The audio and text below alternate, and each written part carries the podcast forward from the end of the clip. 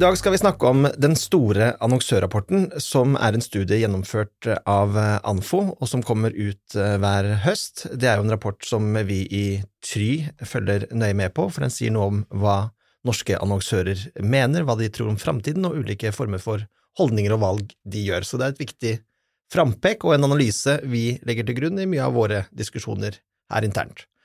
Og med meg i dag har jeg Håvard Bakken, som er da fagdirektør i Anfo og eh, ansvarlig for denne studien. I tillegg har jeg med to gjester fra Tryhuset. Det er jo da Simen Kjær, som er mediestrateg i Try, og Kåre Øystein Tredal, som er kommersiell direktør i teknologiselskapet TryDigg. Og for ordens skyld, eh, vi skulle ha et eh, panel mikset bedre mellom kvinner og menn, men det var noen forfall i dag som gjorde at vi da fikk et mannepanel. Men det kan bli bra likevel. Håvard, hva, kan du først fortelle litt om hva den store annonsørrapporten er, og hvordan man gjennomfører den studien? Det er som du sier, det er en eh, årlig undersøkelse hver høst. Vi intervjuer markedsførere i år er det drøye 160 markedsførere som, eh, som har eh, fått lov å gi sine meninger da, om eh, nåtid og framtid. Og så ser vi jo eh, i selve studien så er det jo en, en, analyse også av at vi er jo inne i en økonomisk bølgedal i Norge. Hvordan påvirker dette norske annonsører? Vi, eh, både historisk, men også ser vi tallene, så er det jo en klar eh, sammenheng mellom nedgangstider økonomisk. Da blir det jo mindre kjøpskraft blant norske husholdninger, som igjen påvirker potten som, da, som, er tilgjengelig for markedsføring. Så det helt klar tendens nå er at det er flere som kommer til å kutte i markedsbudsjettene framover, enn de som vil øke. Etter pandemien så så vi det stikk motsatte. Voldsom vekst så vi kom på en måte ut av tunnel etter eh, pandemien, og så er vi på en måte inne i en tunnel nå. Og så er det spørsmål hvor lenge vi er inne i den tunnelen før vi ser lyspunkter eh, utover neste år.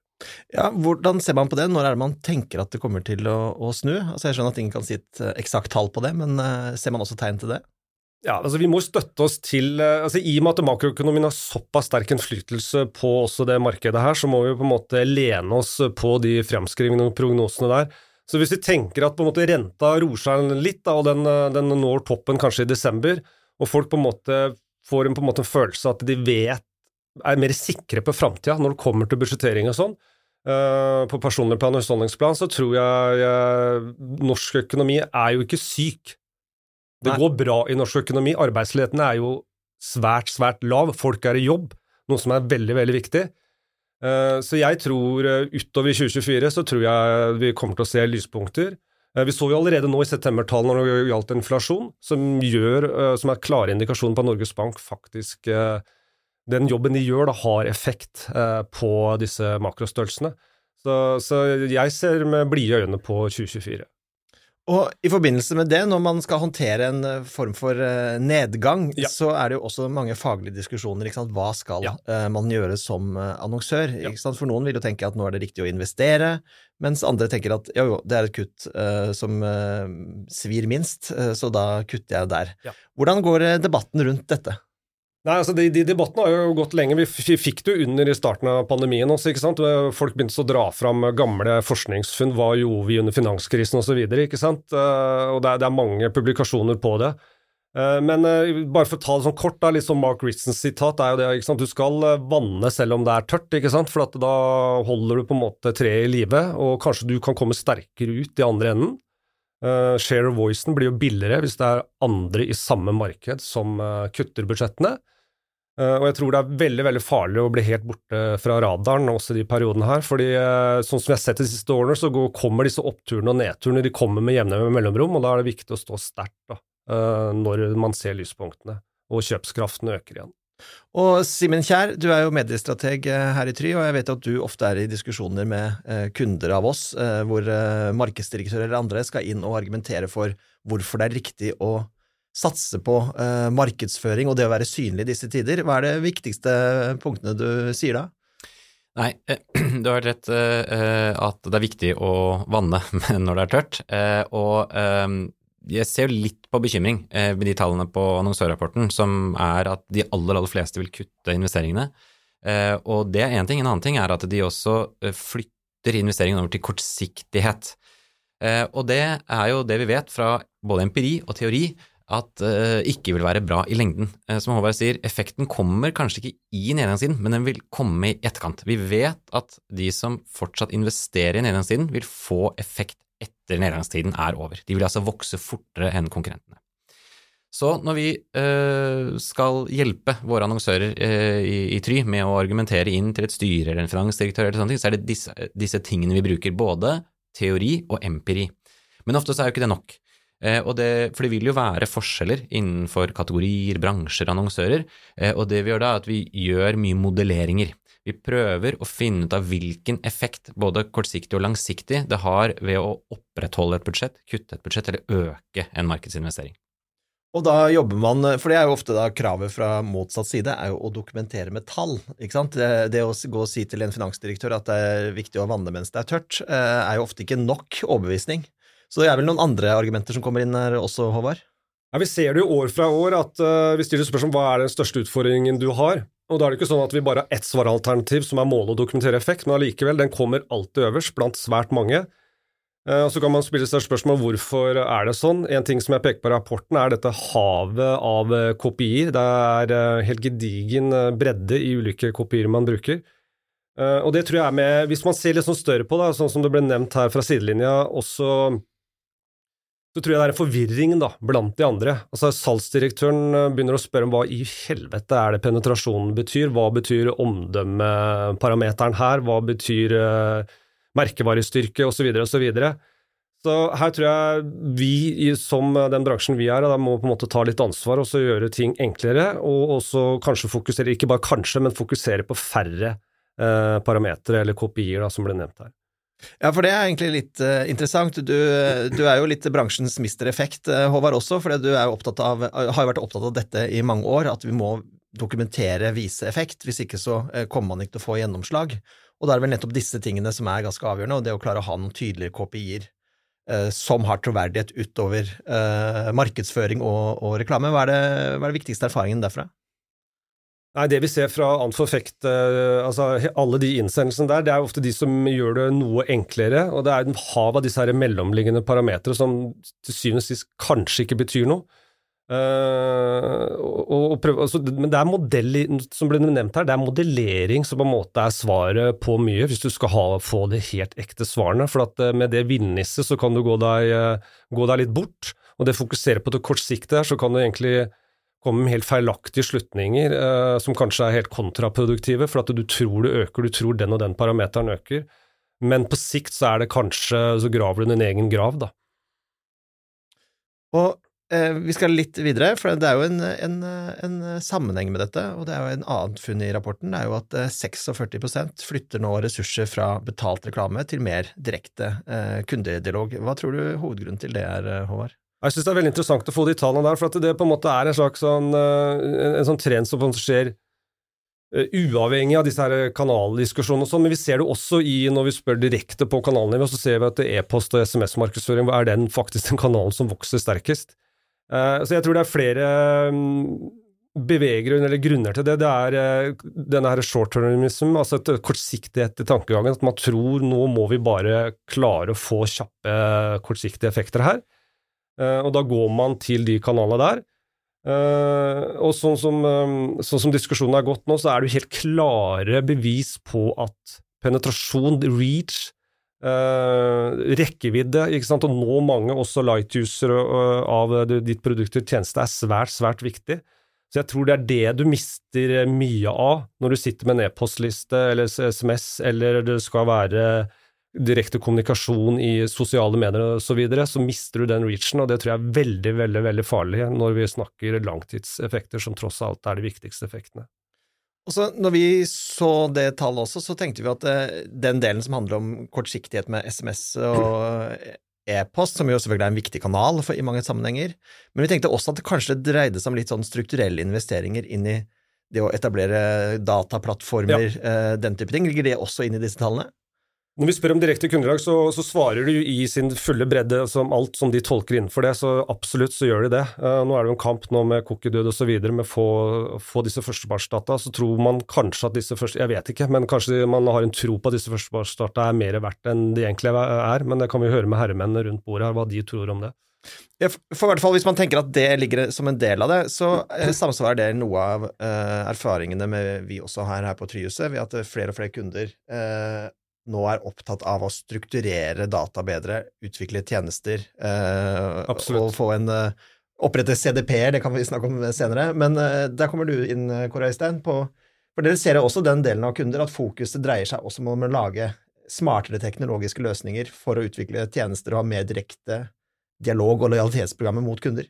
Ja, og kanskje først og fremst det første. Altså det med å få på plass en, en, en tech-stack som faktisk understøtter eh, organisasjonens eh, eh, behov for effektivitet og bruk av egne ressurser, eh, hvor, hvor, på en måte kundeopplevelse er det som har drevet mange av de kundene vi møter i dag.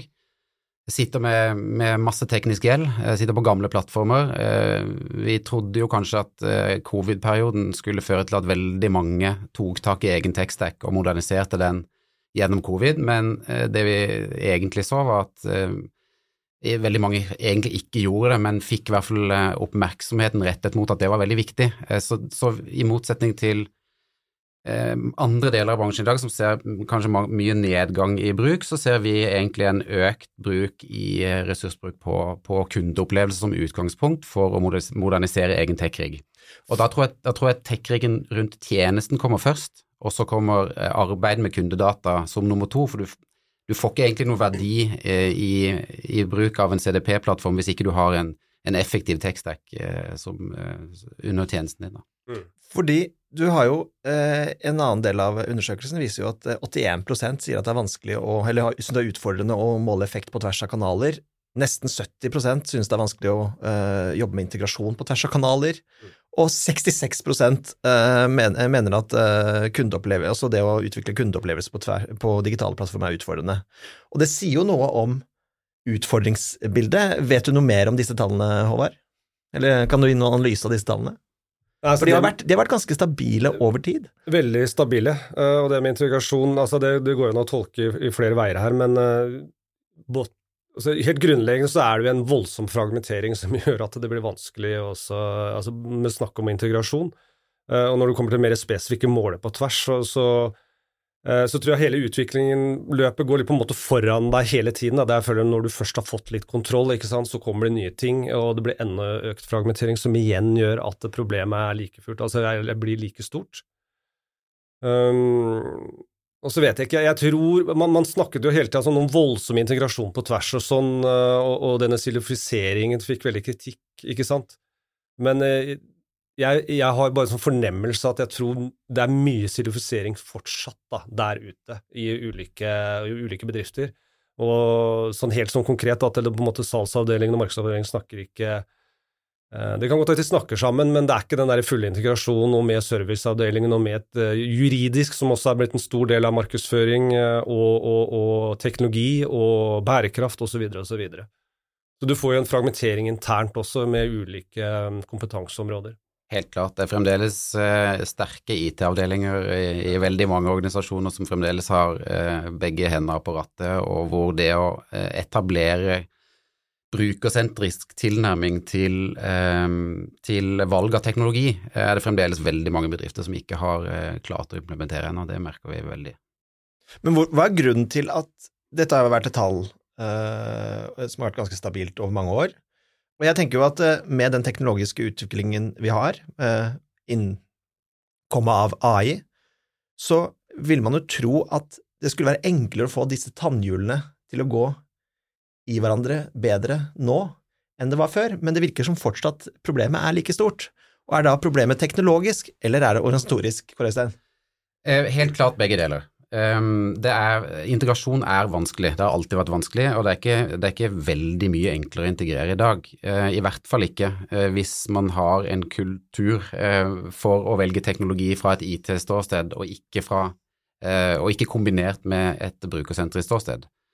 Eh, men eh, samtidig så er i hvert fall teknologien eh, på veldig mange plattformer i dag såpass moden at sitter man med både intern og ekstern utviklerkompetanse i forhold til å ta i bruk teknologien, altså som faktisk er vant til å jobbe med integrasjon og bygge digitale tjenestelag, da rett og slett, som, som har vært snakka om egentlig en 10-15 år allerede, men vi ser det fremdeles at blant de er det de tusen største organisasjonene i Norge, så er det fremdeles eh, bare 10% av de som har replatformer, og vi vet at 30-40% til av de skal eh, enten sitter i startgruppa til å replattforme, eller, eller har begynt eh, og er på en reise nå de neste to-tre åra. For i noen organisasjoner tar dette lang tid. Man må bytte ut en del ansatte ofte, man må omskolere ansatte, man får nye oppgaver, men dette er jo også en del av gevinsten da, som vi har sett der hvor vi har fått lov å gå inn og faktisk etablere en ny og effektiv tech-rig, ehm, så frigjør man jo ehm, kapasitet fra de som tidligere har sittet og jobbet med teknisk gjeld, til å faktisk jobbe med eh, verdiøkning i, i, i, i kunderetta verdiøkning av tjenesten, og, og at det gir en, en, langt større vekst da, eh, og, og, økt slag på kassa, rett og slett, i hvert fall digitalt. da. Og så mener jeg jo det delvis også fanges opp i at 71 eh, ønsker en totalleverandør. Nå skal ikke dette bli Filmavisen for uh, Try-sending, men uh, vi registrerer jo det. Men Håvard, hva tenker du om dette? nei, altså Første gang vi fikk de høye tallene på det spørsmålet, så ble jeg egentlig smått overrasket. for det, det, er jo ikke så mange av de leverandørene som er fullservice i Norge. så da, ja, da går det kanskje bare til én eller to steder, og det er en av dem er dere. Um, men, men, vi så jo det litt sånn, uh, hvis vi skal nevne den co-pitchen, nå skjer det jo ikke så mye sånne drastiske ting, men den ble en voldsom snakkis her i høst. altså Jeg vet ikke om vi kan bruke det her som eksempel, men det er jo sånn at uh, vi ønsker uh, større grad av integritet. Det er jo da det um, Integritet? Integrasjon, beklager. Og, og, og, så tar de valg basert på det. De ser at alt henger sammen. Teknologi, utvikling av kreativitet, plassering og osv. og så videre. Så, så um, jeg tolket det mer som en sånn ønskendrøm eh, for noen år siden, at man ønsket film, men nå ser vi det ettertrykkelig at det er, eh, det er et ønske fra, fra annonsørene eller markedsavdelingene. Og så skal vi bytte litt tema. Vi ser jo at det også er endringer i forhold til bruk av kanaler. Hva er hovedfunnet der, Håvard?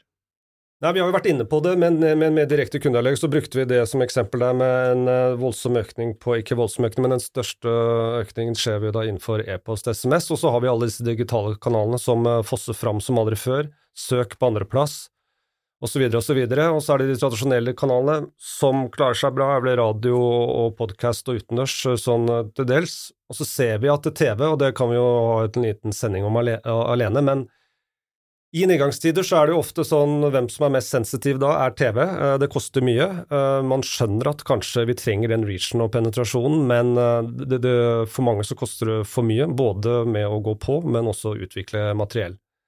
Parallelt med det så har vi sett en nokså drastisk endring, eller nedgang nå, i lineær seing, som da ja, betyr mindre varelager.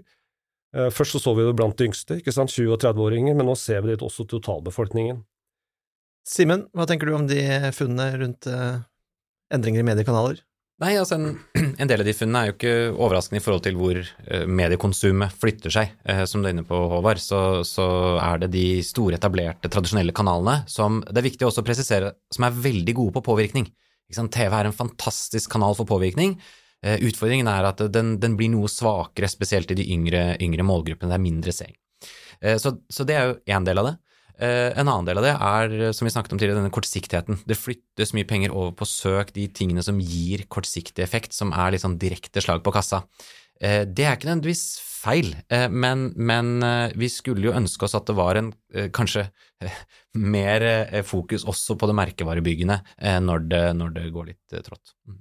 Men hva er argumentasjonen der? Er det det samme som vi nevnte i stad, at man må investere i nedgangstider for å få fart også når det er nedgang, men også ikke minst når det er oppgang? Ja, ja, absolutt. Det er det er det der. Og, og, det er jo som vi har snakket om her nå med teknologi, om alt denne fragmenteringen, eh, og det er det som gjør det så komplekst. Vi får hele tiden flere og flere og flere kanaler. Eh, det skjer ting på teknologi som gjør at de kanalene vi, vi bruket, brukte på én måte i fjor, må brukes på en helt annen måte i år. Eh, så, så, så, det gjør at bildet blir mer og mer komplekst, eh, og, og, og effektene er forskjellige på kanalene. Eh, en visning på, på, Instagram er ikke lik en visning på TV eller en, på displaybaner, så, så, det er veldig viktig at man jobber spesifikt med kanalene, og det er veldig viktig at man eh, får også blikket opp på det langsiktige, ikke bare på det kortsiktige. Tusen takk. Eh, en, et siste tema i denne rapporten er jo at halvparten av de som er spurt, eh, tror på en radikal endring i hele bransjen på grunn av AI. Hvordan tolker du de tallene, Håvard? Analysen bak de? Jeg, jeg tolker det dit hen at uh, de, de har, det er en erkjennelse nå om at uh, dette er ikke et sånt tog som bare forsvinner, og, men, men, den kommer til å plassere seg på perrongen, og man må, må liksom forholde seg til det. Uh, jeg tror det blir noe annet enn metaverse, for å si det sånn, som ble et blaff. Men du, du, får kanskje en langsiktig greie med metaverse også, men det trenger vi ikke diskutere her. Men AI, kunstig intelligens i alle former, generativ AI, kommer utvilsomt til å påvirke alle bransjer juss og medisin, men også da markedsføring. Det er helt utvilsomt. Og så må vi huske på at dette i en sånn historisk sammenheng er en utrolig kort periode når det holdt på å si tok av og ble tilgjengelig for allmennheten. Det er snakk om 10-11 måneder. Og at det nå kommer øverst på kompetansebehov, som er enda et kapittel i denne rapporten, eh, er jo smått utrolig. Men øh, folk har jo lekt seg med det, og, og, folk har lest bøker, og folk har sett debatter, og folk har lest uh, skriverier om dette og, og prøvd det sjøl, og sett den voldsomme kraften som ligger i kunstig intelligens. Så både Vi kan nevne mange felt, men øh, innenfor teknologi, innholdsproduksjon øh, Nå skal jeg sikkert ikke nevne kreativitet, men for A-løsninger innenfor kreativitet uh, osv., osv. Dataanalyse, utvilsomt, så kommer det til å skje voldsomme endringer i, i nær framtid. Ja, og vi, vi Try også er jo enige med den halvparten, at vi tror det kommer til å uh, hvert fall være grunnlag for radikale endringer i store deler av det vi uh, driver med. Og vi har jo dette, det siste året hatt uh, flere tusen timer med skoleringer blant ansatte og er mye ute hos kunder. Hvordan er det dere opplever det i markedet deres, Kåre Hvordan vil AI endre?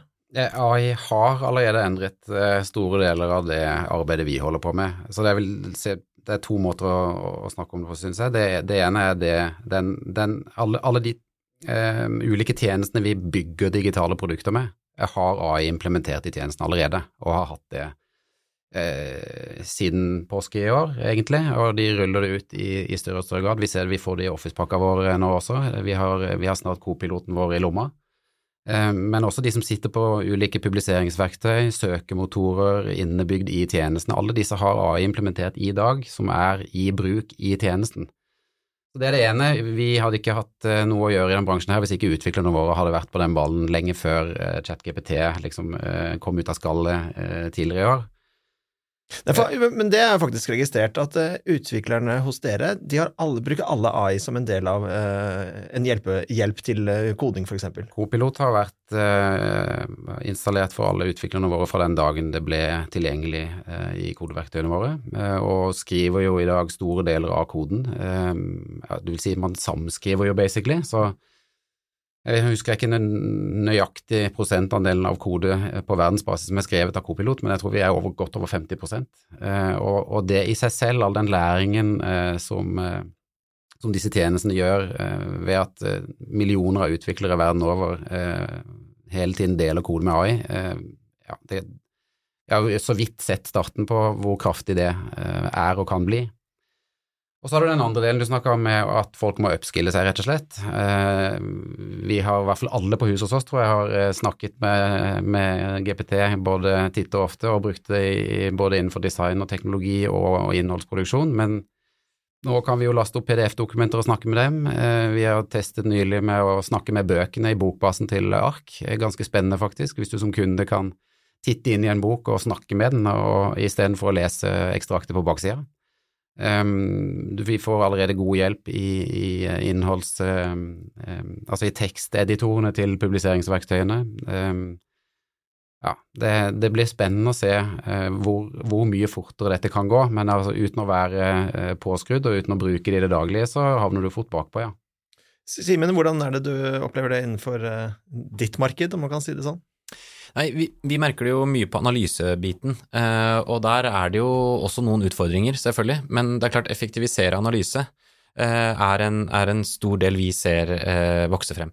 Men så er det også viktig for meg å poengtere at det, det, kan fort bli litt sånn oi, enda flere datapunkter, enda flere viktige ting, og som alt annet, de liksom premissene endrer seg litt, men, eller det vil si premissene for markedsføring og analyse er de samme. Vi får flere og flere verktøy, men vi må fortsatt være gode på å bygge eh, gode målhierarkier. Mm. Eh, dette med effekt og AI, alt dette her bunner liksom ut at vi må bygge gode målhierarkier. Hvilken, eh, hvilke kommunikasjonskopier har effekt for salg? Hvor mye salg gir 1% økt kjennskap? Det er disse tingene eh, vi jobber mye med. I modellering så er det å, å modellere på disse typer dataene. Og det, det vil være viktig, og AI-en vil fuele mer data, dra ut flere konklusjoner men vi må være gode på å bygge disse modellene rundt. Da. Jeg syns det er veldig, veldig, godt sagt. Men du, du, vi var jo inne på det i stad når du snakket om disse tannhjulene, hvorfor de ikke går inn hverandre. Men uh, det er på en måte en teknologi, eller en, en innebygd faenskap i all teknologi, for å, for å si det enkelt. da. Uh, og den har vi med oss hele tida, så det skjer nye ting. ikke sant? Og det er derfor kanskje også disse tannhjulene ikke helt går inn i hverandre, ref den integrasjonssnakket vi hadde i stad. Jeg synes også Det er utvilsomt dataanalyse og utvilsomt teksteditor og, og prompting og koding osv. Men også litt artig å tenke på hva som kan være mulighetene innenfor liksom de der litt mer myke tingene i vår bransje, f.eks. å lage en eh, markedsstrategi. da. Når du akkumulerer opp all kunnskap og de beste liksom, gjerne i hele verden, og det blir tilgjengelig, så, så blir det kanskje litt vanskelig å fakturere for 11 eller ikke 11, 100 timers strategiarbeid når, du, når du får kanskje bedre svar på 10 minutter. da.